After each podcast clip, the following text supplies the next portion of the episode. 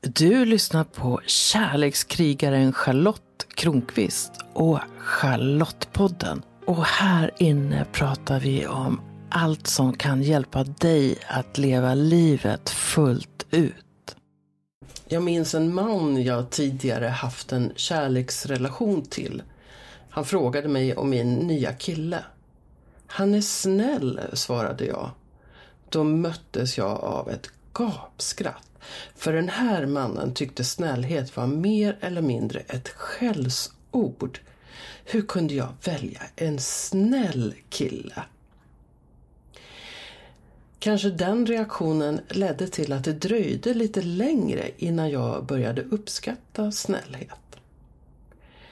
Det är spännande att titta på mig själv i backspegeln, att se vilka insikter jag fått genom åren. Kanske du har någon gammal dagbok, blogg eller almanacka som du kan läsa för att få en glimt av hur du var och vad du tänkte tidigare.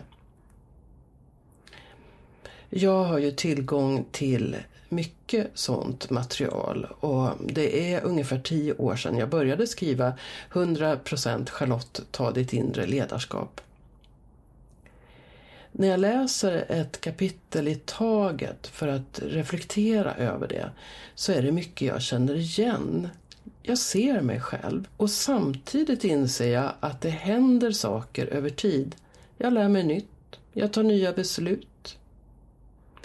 En av de saker jag lägger märke till är att jag försonas mer med mig själv numera. Självacceptansen har blivit större med åren och jag tror på riktigt att jag blir allt snällare mot mig själv. Kanske delvis för att jag inte påverkas så mycket av andras eventuella förväntningar på mig.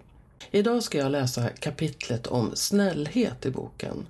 Jag berättar om verktyg som gjorde det lättare för mig att bli självsnäll. Och det handlar om en slags inre förståelse för vad som format mig. Jag inser att jag har inkluderat ytterligare ett verktyg när det handlar om självsnällhet och förståelse sedan boken skrevs. Och det är anknytningsteorin och medvetenheten om att jag har växt upp med en otrygg, ambivalent anknytning. När jag läser igenom de få sidorna i kapitlet och speglar mig i dagens insikter känns det skönt. Det är som att jag beskriver svårigheter jag haft genom livet men inte varit medveten om just anknytningens betydelse. Det dröjde mer än 40 år innan jag insåg att en av meningarna med mitt liv är att jag lever det som mig, inte som en person som jag tror att andra kan gilla. Jag är inte längre lika rädd att vara för mycket. Jag är snällare mot mig själv. Det intressanta är att när jag blir mindre dömande mot mig själv och alltså är snällare så blir jag samtidigt mindre dömande mot andra. Det är som att jag på det hela taget har blivit snällare.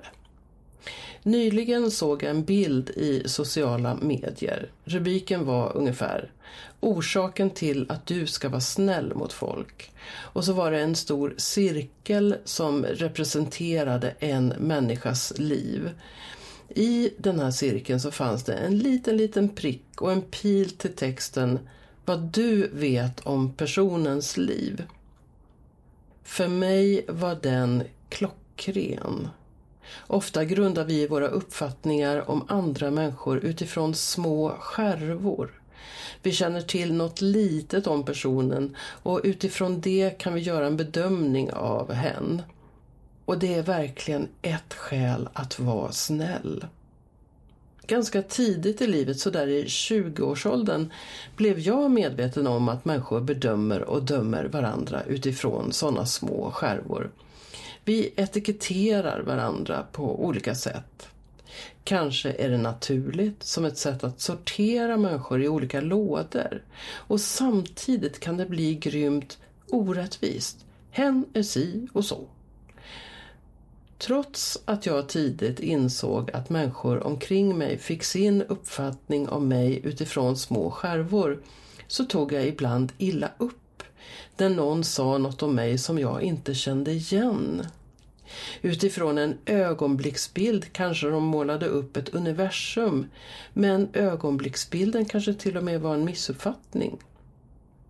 Människor bildar sig uppfattningar om varandra utifrån sin egen tro, tankar och erfarenheter. Och jag vet att jag många gånger kände mig missförstådd och det kan fortfarande hända. Förmodligen var jag det också. Mitt problem, mitt ängsliga, ambivalenta, otrygga problem var att jag gav detta för stor plats. Jag brydde mig för mycket om hur andra såg på mig, eventuellt. Det var som att de såg en person de ville se, men inte mig. Nu tar jag ett djupt andetag. En del av den där osäkerheten är borta.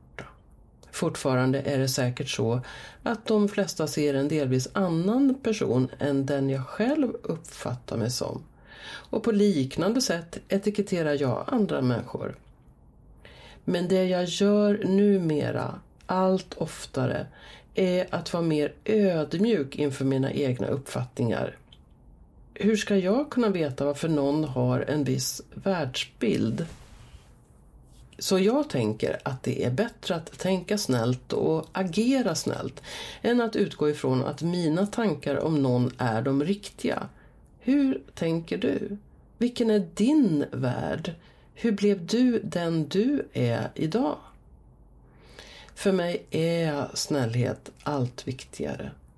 Jag talar då inte om den självförtärande snällheten, den ängsliga snällheten, den typ av snällhet som bygger på rädsla. I snällhet ingår det att kunna säga ja och nej. Det ingår att värna också min egen integritet. Kanske är det också så att det handlar om gråskala och ålder. Ju äldre jag blir, desto mer komplex blir världen och vi som befolkar den. Vem är jag att döma andra? Då är jag mycket hellre den som är snäll mot mig själv och mot dig. Och nu är det dags för dig att lyssna på kapitel 33 av min ljudbok 100% Charlotte, ta ditt inre ledarskap. 33. Vara snäll. En av mina oskrivna regler var att jag skulle leva upp till andras förväntningar på mig. Fasan var att göra någon besviken. Det är en av mina mest kontraproduktiva överlevnadsstrategier. Den har gjort det svårt för mig att förverkliga mina egna drömmar, ja, till och med att drömma dem. Tidigare var jag helt övertygad om att jag var tvungen att prestera för att få kärlek och bekräftelse. Jag visste att det inte räckte med att vara. Det var min sanning. Det skapade en djup inre stress och jag sprang runt i ett ekorrhjul. Jag försökte lista ut vad andra ville ha av mig och leverera mer än de förväntade sig. Jag vände mig till världen och skrek älska mig. Det var nog inte många som såg just det. Jag tror att de ibland såg en glad och duktig flicka, andra gånger en tuff tjej och förmodligen såg de en person som klarade det mesta. Det fanns bara en hake. Den de såg var egentligen inte jag. Jag var en skådespelare som spelade upp den jag trodde att de ville ha. Det tog lång tid att inse att jag ägnade mig åt skådespeleri på hög nivå. Jag lyckades till och med lura mig själv att tro att jag var äkta. En viktig pusselbit fick jag när jag gick en utbildning om människans essentiella egenskaper. Där blev jag bekant med enneagrammet som är ett sätt att beskriva nio personlighetstyper. Min personlighetstyp är en trea, en achiever, en performer. Namnet säger vad det handlar om.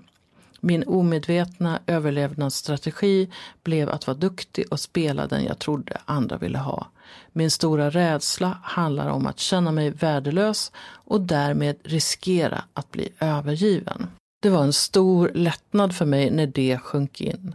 På ett ögonblick blev det glasklart för mig varför jag valt att sätta på mig olika masker, varför jag spelat teater, varför jag tidvis känt mig tom inombords och mitt stora behov av att få bekräftelse från andra.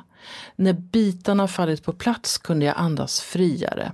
Insikterna gav mig möjlighet att krama om tjejen som kämpade för att bevisa sitt värde och som trodde att det inte räckte med att bara vara. Nu förstod jag varför jag hade varit övertygad om att jag måste förtjäna kärlek och därför inte heller förmått uppfatta den kärlek som andra visat mig. En trea vill stå på scenen, stå i ljuset för att få bekräftelse. Det är där hon kan känna sitt värde. Bakom scenen, i ensamheten, kan hon sitta och snyfta och tro att hon knappt existerar. När jag tittar bakåt ser jag att jag valt att stå på scen i stora delar av mitt liv. Kanske inte i bokstavlig bemärkelse, men i bildlig. Jag har lett föreningar, suttit i styrelser, intervjuat kändisar, haft mitt namn i tidningen. Jag har lett kurser och workshoppar, jag har föreläst i många ämnen. Jag har till och med lärt andra att känna sig trygga när de står inför grupp. När jag ledde kurser för talängsliga brukade jag ofta börja med att säga Var snäll mot dig själv och tänk att du duger. Det var en god hjälp för deltagarna. Men det tog lång tid innan jag förstod att den viktigaste mottagaren för de orden var jag själv. Jag behövde vara snäll mot mig själv och tänka att jag duger. Många gånger var jag livrädd att ställa mig på scenen. Men jag gjorde det ändå. Jag drogs till det. Jag började gå kurser för att verkligen lära mig att göra det. Idag står jag gärna på scenen, men nu är min utgångspunkt en annan. Nu är mitt huvudfokus inte att jag ska bli älskad eller accepterad av publiken. Nu handlar det om att jag vill ge dem något. Nu handlar det om åhörarna. Jag står hyfsat trygg och förmedlar något som jag hoppas kan ge nya insikter till de som lyssnar. Den resan är fantastisk i sig. Nu när jag känner att jag har ett värde kan jag leverera något som verkligen är sant och förankrat i mig. Nu säger jag högt att jag vill stå på scenen. Jag äger det. Jag gör ett val som är grundat i mig. Jag är inte längre tiggaren som lutar huvudet på sne och vädjar Se mig, älska mig. Det har skett en transformation över tid. Det som har krävts är att jag längs vägen har varit snäll mot mig själv och tänkt att jag duger. Jag har vågat välja mig själv och rörelsen har kommit inifrån. Det händer fortfarande att jag blir rädd när någon visar att hen är besviken på mig. Då kan den gamla rädslan väckas upp och jag tror att jag är värdelös. Men oftast bara en liten stund. Aha, trean i mig blev aktiverad. Sen kan jag välja att släppa det. Din läxa, ta reda på vilken personlighetstyp du är enligt enneagrammet. Gratistest finns på nätet. Ja, kanske du blir nyfiken också på enneagrammet. Det har verkligen varit ett nyttigt verktyg för mig. Eller så behöver du andra eller fler sätt att få lite mer koll på dig själv och i förlängningen bli snällare och gladare och i bästa fall njuta mer av livet. Min lekfulla tantrasäsong drar snart igång. I slutet av februari 2023 sker den första parkursen med lekfull tantra i Stockholm och det finns några platser kvar. Och i slutet av mars den första som är öppen för alla. Lekfulla tantrakvällar finns med i planen men just nu står jag utan lokal. Det såg bra ut ett tag men så hände något och den tänkta lokalen är inte längre tillgänglig för mig. Så är också livet. Jag återkommer om det. Ha det fint. Kom ihåg att andas. Var en kärlekskrigare. Hej från Charlotte Kronqvist. Kom ihåg att prenumerera på Charlottepodden så att du är med när nya avsnitt kommer. För vem vet vad du kan få lära dig om livet i det avsnittet. Rekommendera gärna podden till en vän så är du med och sprider vetskap om att den här podden finns och berätta vad den ger just dig. Jag skulle bli så glad om du också går in i din podcast-app och lämnar en kommentar eller skriver en recension av podden. Ju fler som gillar podden öppet, desto fler kommer också att hitta den